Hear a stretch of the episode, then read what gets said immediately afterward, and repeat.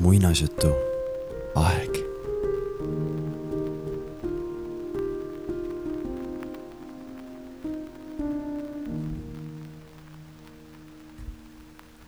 esimesed jõulud. kirjutanud Andreas ja Birgitta Johanson. tõlkinud Kaja Müürsepp. neljas lugu. Lea oli oma uuel asemel hästi välja puhanud ja maitsvast toidust und näinud.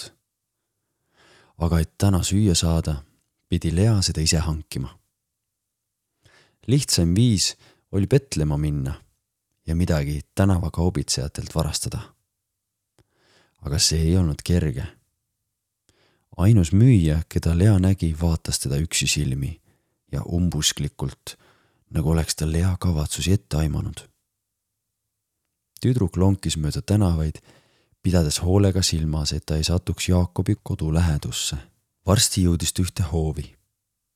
aga ei, seal oli ju võõrastemaja, kuhu ta mõne aja eest oli sattunud koos vana mehega. seekord oli ta lihtsalt teisest suunast tulnud. maja ette oli jäetud igasugust reisikraami, kedagi ei olnud näha. Lea hiilis ettevaatlikult pakkide juurde. Siis kuulis ta selja tagant häält. see oled ju sina, väike sõber. ta vaatas tagasi. seal seisis sama vanamees, kellel Lea oli aidanud eeslit ajada imestasin just, kuhu sa kadunud oled. sõnas mees naeratades. olin mõni päev karjuste juures, vastas Lea natuke segadusse sattudes. ah nii, sinu sugulased on karjused, nentis mees. kas need on sinu omad? küsis Lea, osutades pakkidele. ei ole siia tuleb pidevalt rändureid juurde. ei usu, et ükski tuba enam vaba on. just siis, kui vanake hakkas sisse minema, kukkus tal väike kotike maha. Lea avas suu, et talle järele hüüda, kuid tuli teisele mõttele. võib-olla on siin just midagi sellist, mida tal vaja läheb. ta krahmas koti ja peitis selle oma rõivaste sisse ta tundis, et kotis oli raha. nüüd, kui ta pidi ära jooksma, libises tema pilk reisikraamile. ta märkas kotti, kus võis olla söögipoolist. Lea sööstis koti juurde ja hakkas seda kiiresti lahti harutama. äkki haaras keegi tal valusasti kõrvast kinni. see oli võõraste maja peremees. mees seisis väga vihase näoga mida sa kavatsesid teha? müristas ta. tahtsid varastada, mis? kas sa pole õppinud Jumala käskudest, et varastada ei tohi? seda Lea ei teadnud, kuid see teda ka ei huvitanud. Aga mul on kõht tühi, nurises ta. või kõht tühi? ega sellepärast ei pea varastama. kas sul pole kodus süüa? mis sa arvad, mida su vanemad ütleksid, kui nad teaksid, mida sa teed? mul ei ole kodu ega vanemaid, ütles Lea kurvalt. või sedaviisi, lausus peremees ja lasi kõrvast lahti. aga kes ei tee tööd, see ei pea ka sööma. tõesti? sõnas Lea üllatunult. selle peale ei olnud ta kunagi mõelnud aga nii see tõepoolest oli. karjased tegid tööd, Jaakobi isa ja isegi vana Leevi tegid tööd ja neil kõigil oli süüa. millist tööd siis mina võiksin saada? päris Lea trotslikult. jaa mm,, võiksid vist. peremees jäi vait. ta ei mõelnud midagi välja kerge öelda, et tuleb tööd teha, märkis Lea julgust kogudes. kas sul mulle on tööd?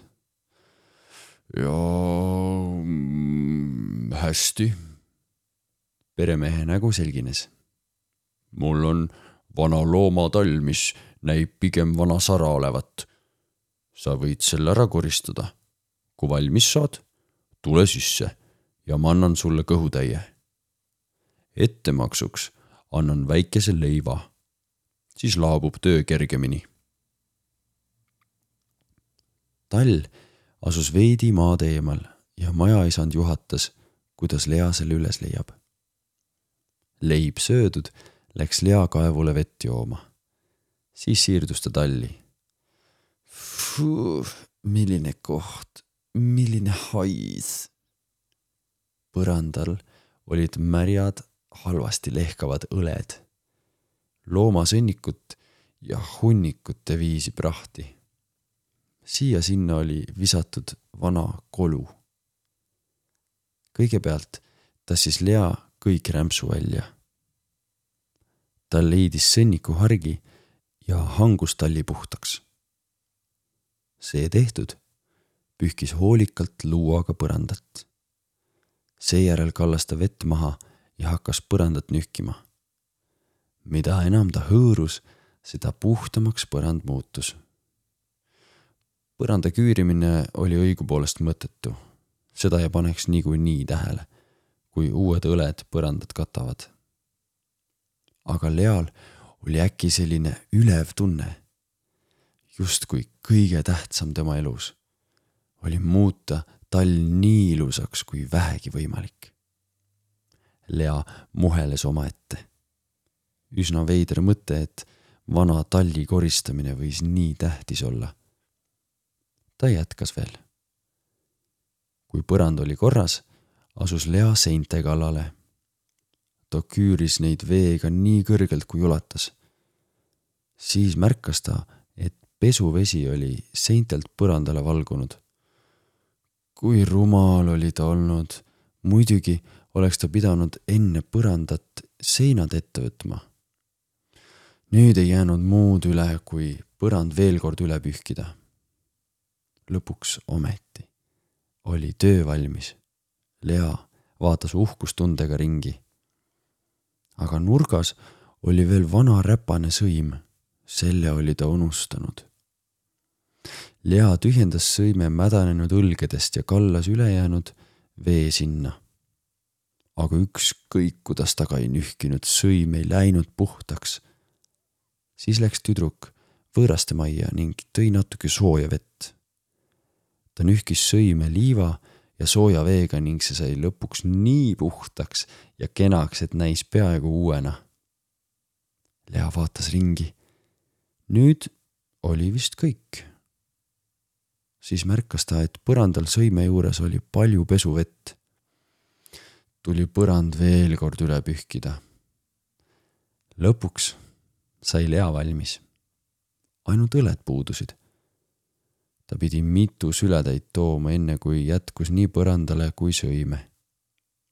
õled lõhnasid hästi, peaaegu nagu lilled. lilled, sähvatas Leal idee. talli lähedal aasal kasvas väga ilusaid lilli. Lea korjas suure kimbu ja pani vanasse kannu. siis seisatas ta lävel ja nautis vaatepilti. ta ütles valjusti oi kui ilus. siin võiks elada kes tahes, kasvõi kuningas ise. suurte sammudega jooksis Lea võõraste majja peremehe järele. kui majaisand talli tuli, jäi ta päris tummalt seisma. peab ütlema, et oled tõesti head tööd teinud, sõnas ta siis imestunult. lõhnab nii hästi. Arvan, et sa oled isegi põrandat pesnud ja sõim paistab lausa uuena. tule, saad kõhu kõvasti täis süüa, sa oled selle tõepoolest ära teeninud, ütles ta. Nad läksid koos võõraste majja. ei olnudki raske söögi eest tööd teha, mõtles Lea süües. toit maitses täna eriti hästi. peremees tuli ja andis Leale mündi. Selle eest, et sa nii hästi tööd tegid lausus ta. Lea tõusis ja tänas. ta oli üliõnnelik. see münt oli tema esimene teenitud raha. ta pigistas seda käes ja pani siis tasku. siis puutus talle kätte rahakott, mille ta ennist oli võtnud. ta kangestus. mida peaks ta tegema? Raha vajab ta kindlasti, sest vaevalt ta enam tööd saab. Lea läks raskel sammul, siis ta seisatas. ta ei võinud seda rahakotti võtta. ta jooksis tagasi ja otsis vanakese üles. aitäh, hea laps, ütles mees pisar silmil.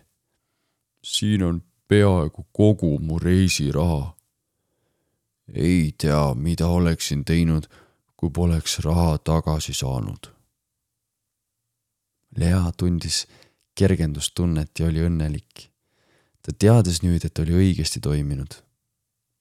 järsku tundus talle, et kogu vanamehe raha polnud nii väärtuslik kui see münt, mis oli tõesti tema oma. ta lahkus võõraste majast. kuule, oota, hüüdis majaisand talle järele. olid mu meelest tubli ja olen su peale mõelnud. meil on nüüd maksustamise ajal palju tööd. kas sa tahad appi tulla? saad süüa ja elad võõraste majas. kas Lea tahtis? ta peaaegu hüppas rõõmust. aga ühte asja pead sa lubama, ütles peremees tõsiselt. sa ei tohi kunagi midagi varastada. Lea lubas seda